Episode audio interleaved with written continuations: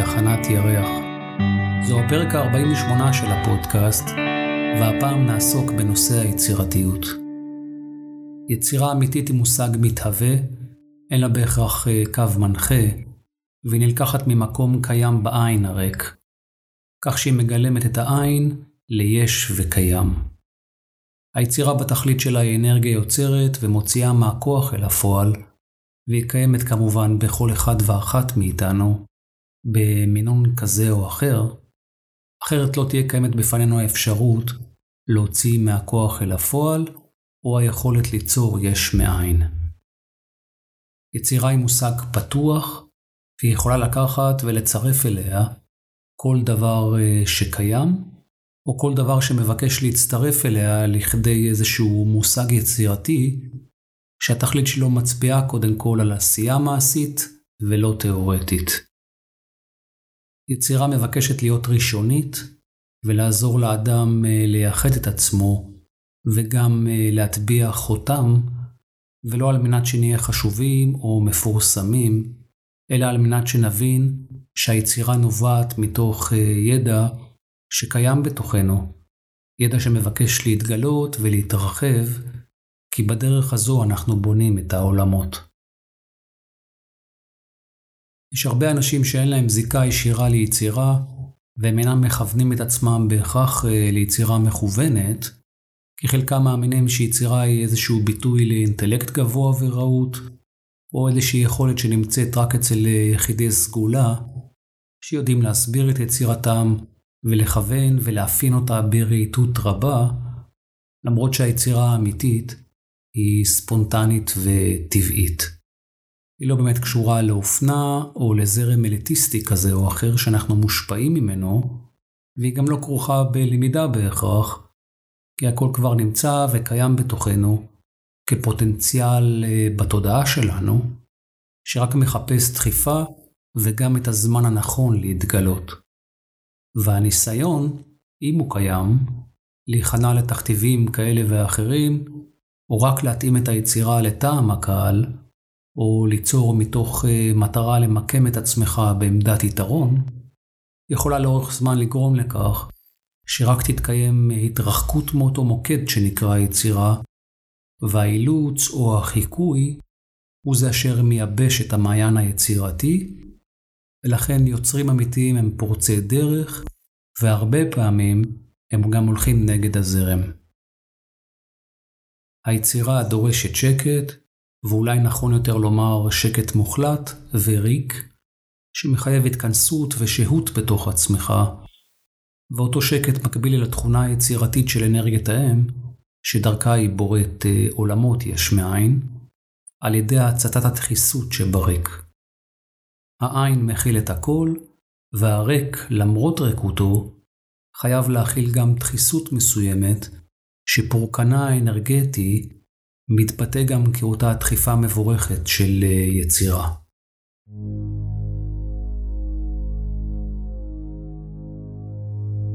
אדם שוהה במקום אה, שקט בטבע עם דף ועיפרון. ועדיין ולמרות השקט שסביבו, האווירה וההשראה, תודעתו עדיין עסוקה במחשבות מתרוצצות, בדעות ורכשים, והוא לא מצליח לפנות את עצמו ולהתמסר להרגשת הריק.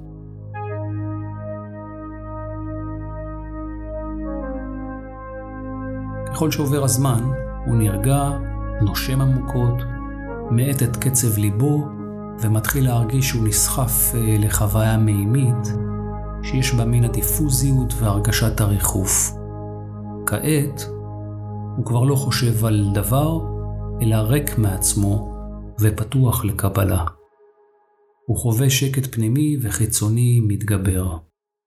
הוא לא חושב על דבר, ולא מנסה למקד את מחשבותיו על מה שנכון או צריך, הוא במצב תודעתי שבו כבר אין לו דעה על הדברים. הוא פתוח, אין לו צורך לדבר, כי בדיבור עצמו קיים מטען צבור שמבקש להתפרק. מתוך ההכרה של השקט והעין, הוא נזכר אה, שכל האפשרויות קיימות, ואז מגיעה המחשבה הראשונה שמציתה את אותה דחיסות שקיימת בתוכו ומבקשת להתפרק. כאשר מופיעה בנו מחשבה יצירתית, היא לא מופיעה כתמונה אחת מלאה, אלא כתהליך שבו אנחנו קולטים איזושהי מהות, אה, רעיונית ואנרגטית.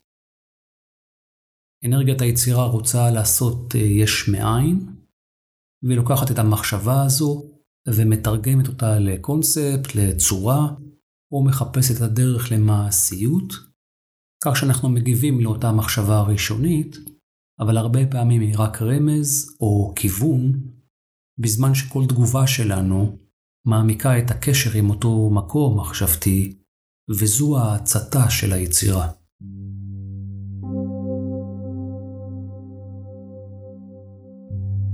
דבר מוביל לדבר כמובן, וזה כאילו אתם עומדים בשדה רחב בלילה אפל עם אה, פנס ביד.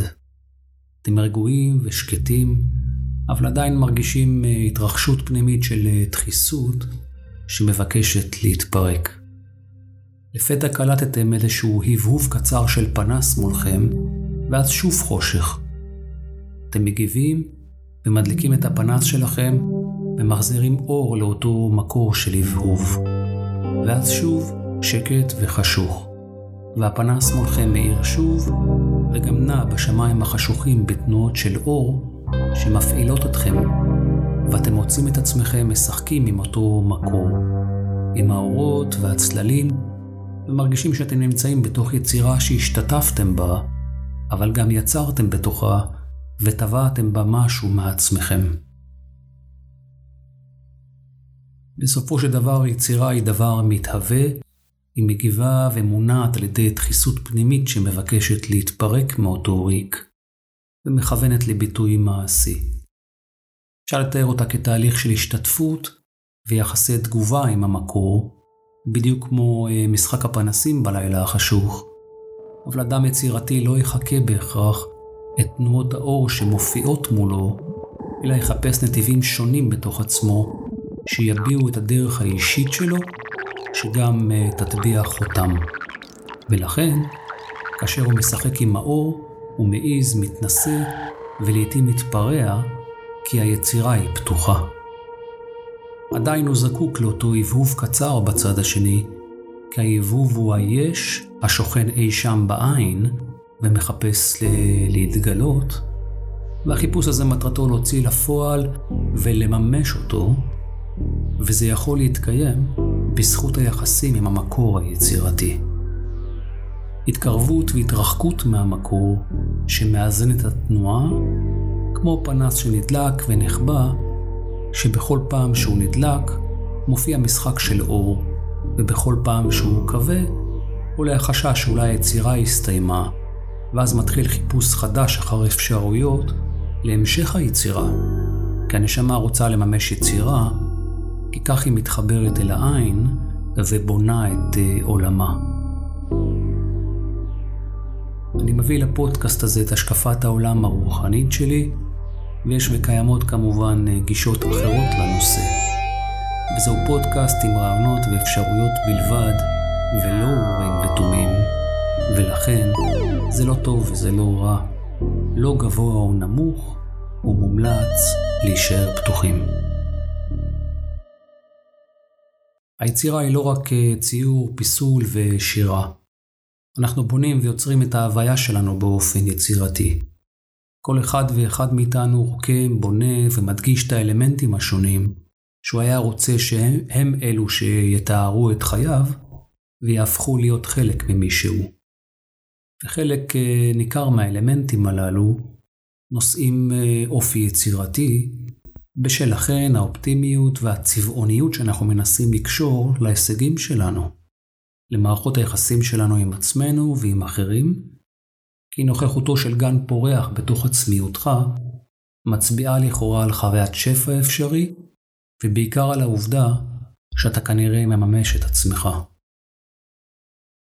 היצירה החזקה ביותר היא כמובן כוח המחשבה, כאשר מה שאנחנו מגדירים כעצמיות הוא למעשה הסתופפות של אה, מחשבות שנשענות על אופי קיים, וזה גם מה שגורם למחשבה לצאת ולנוע בכיוון כזה או אחר, כי הכיוון המחשבתי נובע מתוך האופי של האדם, ואין אפשרות לשלוט uh, במחשבה.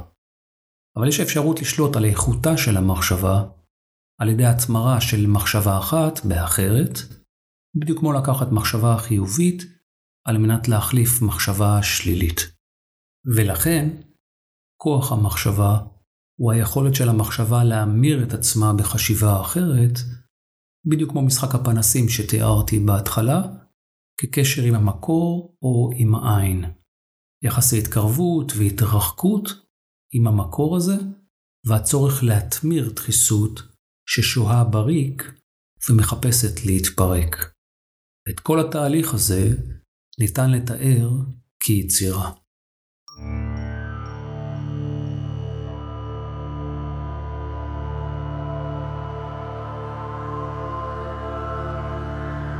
נערה יושבת אה, בשולחן הכתיבה שלה בחדרה בבית. אפשר לומר שהאווירה נינוחה ושקטה. חלום פתוח, והיא בואה בעץ ענק שחלק מענפיו נוגעים בחלונה. לרגע אחד תשומת ליבה נחה על ציפור שמקפצת לפניה, ורגע אחריו היא חוזרת לבהות בנקודה בלתי ברורה בחלל, כאילו נמצאת בהמתנה לדבר מה לא ברור. היא יכולה לשבת שעות בתוך הכלומיות הבלתי מוסברת הזו, במעין ריחוף דיפוזי שלא מכוון לשום מקום ספציפי, כשכל התהליך הזה מרגיע אותה, אבל מדאיג את הוריה.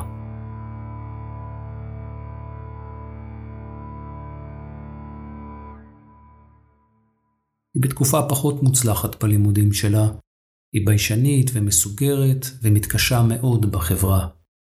היא לא מסתגלת לתנאי הפתיחות החברתיים המקובלים על ידי בני גילה, והיא מרגישה שהיא לא משתלבת ולא מתאימה עדיין להמולת החיים שדרושה ורצויה לה מבחינה גשמית, ולכן היא מעדיפה להישאר רוב הזמן בבית, סגורה בחדרה.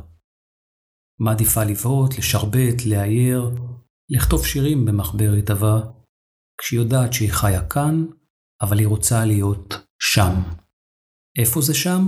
היא לא בדיוק יודעת, כי שם זה לא מקום ספציפי, אבל כשהיא מגיעה לשם בתחושותיה, היא מרגישה בכל חלקי גופה והווייתה חמימות ותחושת שייכות, שהיא מחוברת לשם דרך שקט שגובל בדממה.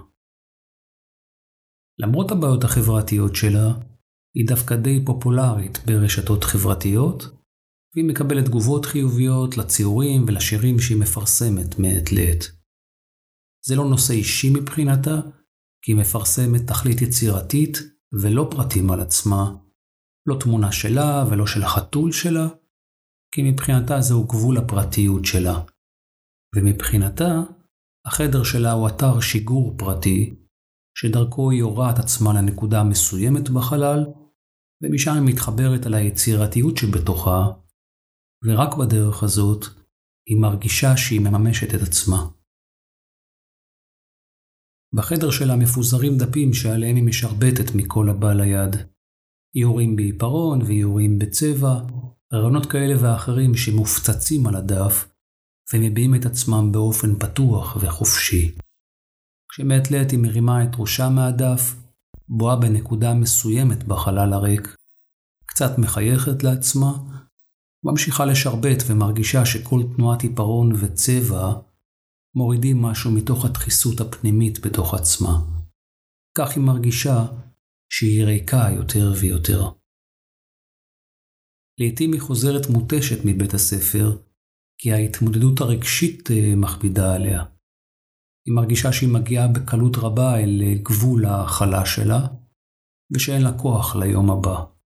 ואז היא פורצת בבכי, והדמעות שלה מציפות את החדר. לאחר הבכי היא מרגישה שוב התרוקנות, ואז עולה בה המחשבה כיצד בכל זאת אפשר להמשיך בחיים הללו, למרות הקשיים הרגשיים, וכמעט תמיד התשובה מופיעה כצורה, כצבע, כציור, בשעות של שרבוט, שעוזרים לה לפרק את המתחים שעוד נותרו בה מאותו יום.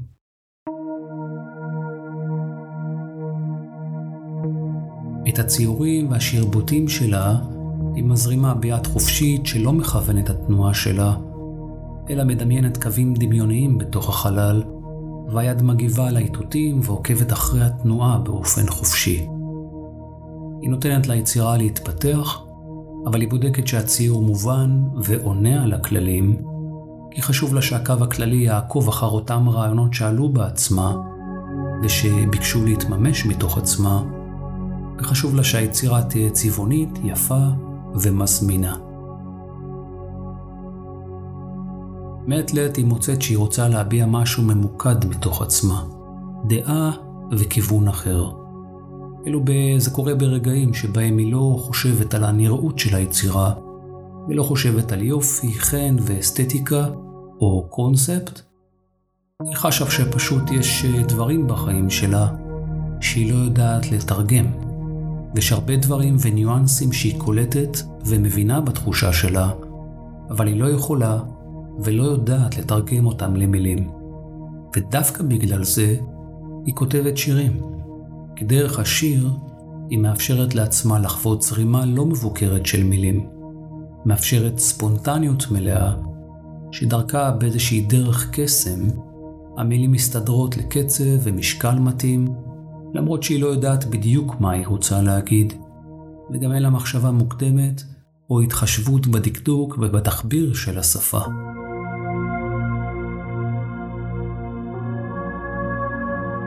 בסופו של דבר היא רואה מול עיני היצירה, ואז היא מבינה שלשירה מותר הכל. בעצם ההרגשה הזו מעלה חיוך על פניה.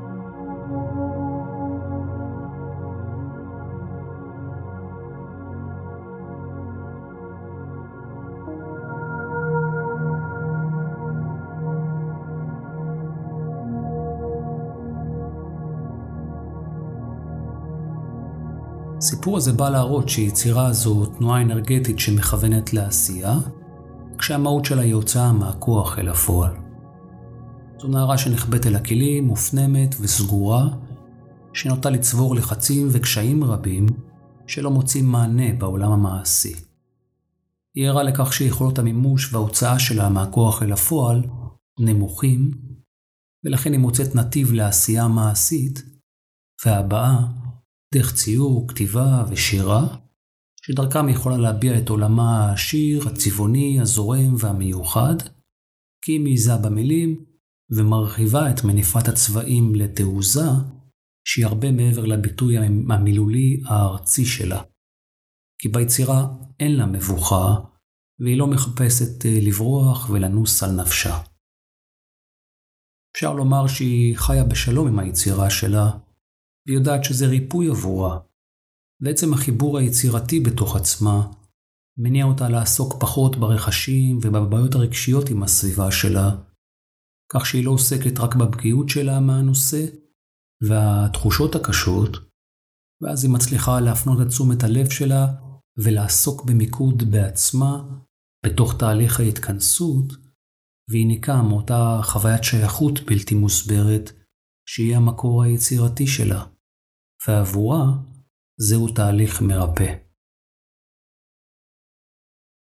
הרבה פעמים אנשים מתחברים אל היצירה שלהם רק בגיל מאוחר, לעתים מתוך טריגר, ולעתים באופן ספונטני, יחד עם צורך להביע דבר מה פנימי שמתעורר בהם, וכאילו מתגלה להם לפתע איזשהו מעיין פנימי נסתר וראשוני בתוך עצמם, שהמים הזכים והצלולים מפיחים בהם אנרגיה חדשה ורעננה של ביטוי שמבקש לפרוץ החוצה, וזה רק מדגיש עבורם שלמרות מסע החיים הארוך והמפותל שהם עשו בחיים הללו, ולמרות השחיקה של הגיל והנפש, עדיין נמצא בתוכם הצורך לממש ולהביע את עצמם ביצירתיות, כי היצירה עוזרת להם להתחבר אל עצמם ולחוש רעננים מעצם העשייה שממתינה להתגלות. יש ליצירה כמובן גם היבטים אחרים שנוגעים בחשיבות עצמית, באופנה וברצון להשתייך לקליקה מסוימת, ובאחד הפרקים המוקדמים של הפודקאסט הזה דיברתי על כך שיש קשר הדוק בין היצירה לבין מבנה האופי של האדם, ולכן זו לא רק טכניקה יצירתית, אלא החזון ורוח הדברים של האדם, שנובעים מהאופי שלו, שמבקש ביטוי וזקוק לעולם החומר על מנת לבטא את עצמו. הבאתי דוגמה דרך שאלה ששאלתי אתכם. האם הייתם רוצים לדעת לצייר כמו ואן גוך? המשכתי ואמרתי שאם התשובה שלכם היא כן, היינו רוצים לדעת לצייר כמו ואן גוך, אז שאלתי האם גם הייתם מוכנים לחיות את דרך החיים, את הבחירות, את האופי וקשיי הביטוי של ואן גוך כי מקור היצירה שלו נובע מאותה בדידות, מבנה אישיותי, הסתגרות ומצב הוויה פנימי, שלמתבונן מבחוץ זו לא חוויה קלה או נעימה בהכרח. ולכן, מעבר ליכולת הביטוי, הצבעוניות ואולי הפרסום וההכרה, מסתתרת תכלית שיש בה לעתים סבל וקושי. לא רק תחשבו על הרבה ציירים או מוזיקאים מפורסמים, ותגלו שהיצירתיות לא בהכרח תמיד מובילה לשפע או לרווחה או לפרסום, כי זה לא הנושא. הנושא הוא האפשרות להביע את עצמך באופן ייחודי ומעשי, להביע את הרעיונות שלך ואת הקשר שלהם אל החזון שלך ולמקור היצירתי, כשההבעה הזו לעולם מכוונת על ידי האופי של האדם. יש הרבה אנשים לא מאוזנים בעולם הזה, ועדיין אנרגיית היצירה יכולה להיות אה, חזקה בתוכם. יכולים לבחור ליצור בתוך מצבים של רעש והמולה, למרות שהוא סותר לכאורה את מהות השקט והבידוד שדרוש אה, ליצירה, וזה מחסום שהאדם יוצר ומציב בעצמו לעצמו. בדיוק כמו צייר ללא יד או עיוור, שגם אלו מחסומים או משוכות שאדם בוחר להציב לעתים, שהמטרה שלהם היא הרבה פעמים לשחרר את ההתניות והדפוסים המוקדמים, על מנת לממש את היצירה, והרבה פעמים אפשר לראות שלמרות שהאדם מציב לעצמו מגבלות אה, שנראות לעתים בלתי אפשריות למעבר, אנשים עדיין חוצים את המרחב ואת המחסום החומרי הזה, ועדיין מצליחים לממש את היצירה באופן ישיר ולעיתים מקורי, כי שוב, היצירה היא ביטוי של מחשבה, ולמחשבה אין גבולות ואין תנאים. והיא גם לא מתחשבת במגבלות חומריות כאלה ואחרות, אלא משתמשת בחומר ובדרך המעשית האפשרית על מנת להביע את עצמה. ככל שהיצירה פתוחה, ככה לעומתה השירה היא סגורה ומגודרת. ככל שהיצירה יכולה להשתמש בכל מה שקיים, גם אם הוא רעיונות של אחרים, חיקוי, או אוסף אקלקטי של תמונות או תנועות אקראיות, אולי הם אה, חוזרים על רעיונות שכבר נראו ונחוו, עדיין תהיה בה טביעת יד ייחודית של האדם שיצר אותה, כאשר לעומת זאת, השירה הולכת אה, צעד אחד קדימה, ודווקא דורשת זרימה מתמדת של מילים ממקום לא מבוקר ולא שופט, כמו זרימת נהר שרצונו לא תמיד ברור, והוא מתהווה מתוך עצמו. ואין נהר דומה לנהר אחר, וכך גם השירה מבקשת להיות. כל ביטוי יצירתי אמיתי לא יכול לאפשר לעצמו להיכנע לתכתיבים, ולכן ליצירה יש שאיפה דווקא להתרחק מן המקובל, על מנת לממש דרך ביטוי ייחודית, והרבה פעמים דרך כך ניתנת לאדם שעומד על העיקרון הזה אפשרות אה, לפריצת דרך.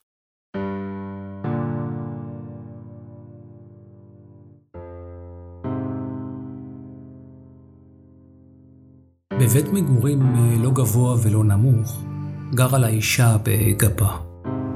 התגרשה כבר מזמן, ושלושת ילדיה היו גדולים ועזבו את הקן מזמן.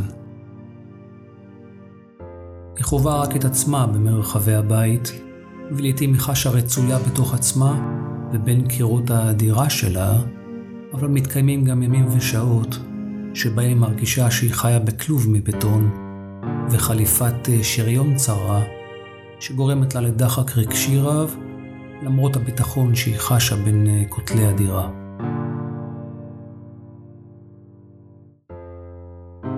חשה בדידות באופן כללי, כי תהליך הגירושים המכוער שהיא עברה השאיר לה אמנם ביטחון כלכלי, אבל הוריד מהיכולת והרצון לנסות לשוב ולהקים לעצמה זוגיות חדשה, כי היא לא מוצאת בעצמה אמון בכך, וגם לא אמונה שיש בעולם הזה אדם שבאמת ירצה לחיות איתה, כאשר היא מתבגרת ומגלה שחדוות החיים ושמחת החיים נשמטת מחייה.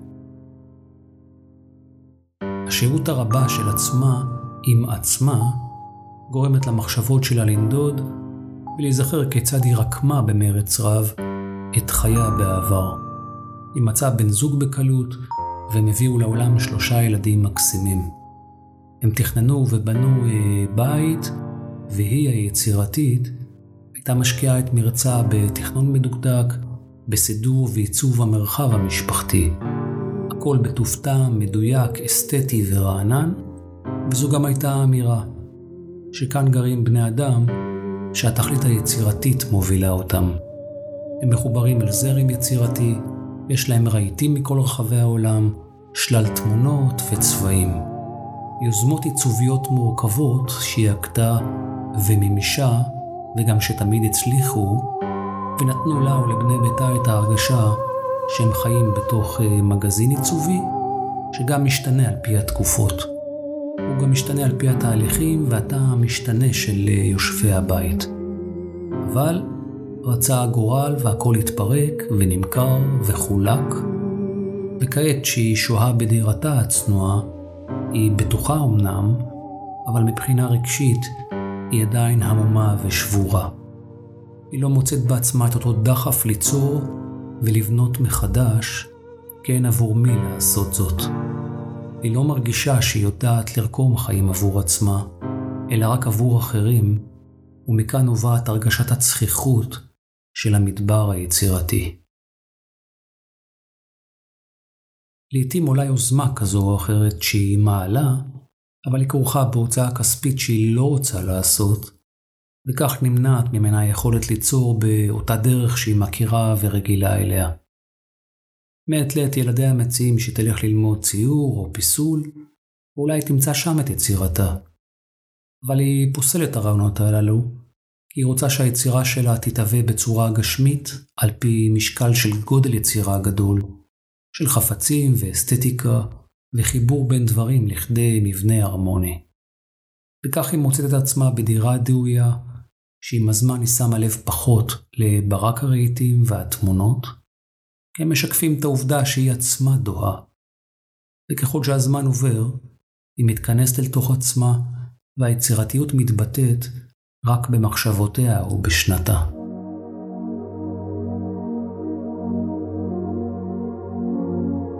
יש לה חלומות רבים על צורות וצבעים, על מרחבים ועל אסתטיקה של בניינים גדולים שהיא מתכננת לפרטי פרטים. את המבואות והכניסות, את החדרים, את האווירה וטעם העיצוב. חופש יצירתי מלא שמתבטא כמעיין נובע של אפשרויות ותחושת הכל אפשרי, ואחר כך חוויית התרסקות, כאשר היא שבה ונוחתת אל הקרקע של המציאות בתוך טירתה הסתמית. פער בין יכולת החיבור שלה אל העין והמקור היצירתי לבין העולם הגשמי, הגוף והמימוש, רחוק מדי עבורה, והיא לא מצליחה לגשר על המרחק הזה בתוך עצמה, כאשר נשמתה צובעת את עצמה בצבעים עליזים, ואילו גופה דועך ומאבד מזוהרו.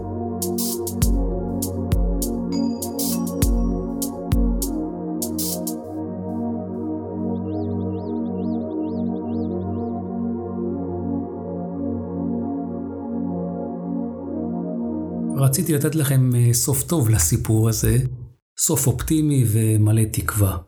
סיפור על אישה שמצאה את כל חוטי הרקמה שלה, שעמלה עליהם כל החיים, סבוכים בתוך קשרים שאי אפשר להתיר, וכעת היא מוצאת שגם אין לה רצון ממשי להתיר אותם. ואילו הנשמה שלה רק רוצה להמשיך ולרקום, לטוות חיים, ליצור חיים ולברוא עולמות.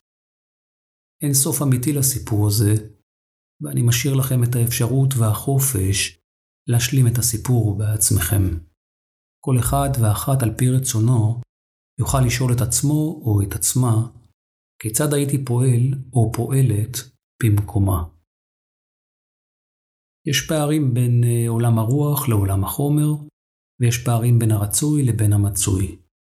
החיבור אל המקור היצירתי לא מבטיח יצירה, כי היצירה זקוקה לצד גשמי על מנת לממש את עצמה. וכאשר מתגלה שאין רצון וקיימת אה, לאות ועייפות מהחיים, לעתים בגלל משבר או חוסר אמון ואמונה, או תחושת עיבוד התכלית של הגוף והצד הפרקטי, שמתחילים אה, לדעוך, ואז הם מפסיקים להקשיב או לפעול על פי איתותיה של הנשמה, שאולי רוצה להמשיך וליצור. אין סוף טוב או רע לסיפור הזה, כי אין דבר כזה סוף. הנשמה היא נצחית, והיא תמיד רוצה להמשיך ולברוא וליצור מציאות שתהיה כלי על מנת שהיא תממש את עצמה. היא זקוקה לגוף לשם כך, ולכן היא יוצרת כאן ובמקומות אחרים, בו זמנית, על פי יכולת מעשית ופרקטית. והיצירה מתהווה על פני נצחיות ואין זמן, ובגופים שונים, ולכן במקרה זה, או דומים לו, יש ראשית לתת את הדעת לכך שאותה אישה רוצה ליצור ולברוא בניינים גבוהים, בניינים מעוצבים ונראים, והיא לא מוצאת תכלית כזאת אה, בחוג ציור. ועדיין, אולי מוטב שתעסוק ביצירה אפשרית על מנת להחיות את גופה הנוכחי ואת נפשה, אבל זכות הבחירה החופשית היא שלה ולא שלנו. ודעה כזו או אחרת לא בהכרח תשפיע. ההתנהלות המודעת במצב כזה היא להודות ראשית על היש, הודיה על מה שכן התקיים, על היצירה שהייתה, על הזוגיות שהייתה למרות שהתפרקה ברעש נורא, על הילדים, על הבית ועל החיים התוססים שכן מצאו תכלית בעשייה המספקת.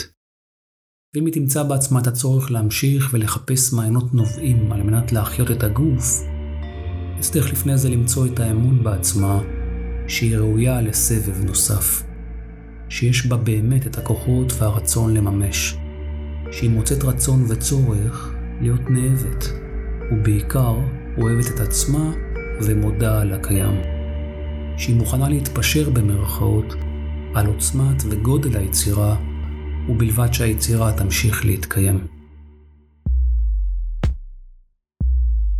כולנו יצירתיים כי כולנו נובעים מאותו מקור יצירתי. כולנו יצירתיים כי אנחנו בעצמנו יצירה. כולנו יצירתיים כי היצירה נובעת מהמחשבה, ובמחשבה אנחנו בוראים עולמות ורוקמים חיים, שגם אם הם לא מתקיימים כעת, הם יתהוו בהכרח כאן פי התכלית המעשית שתאפשר את זה כאשר תגיע העת לכך.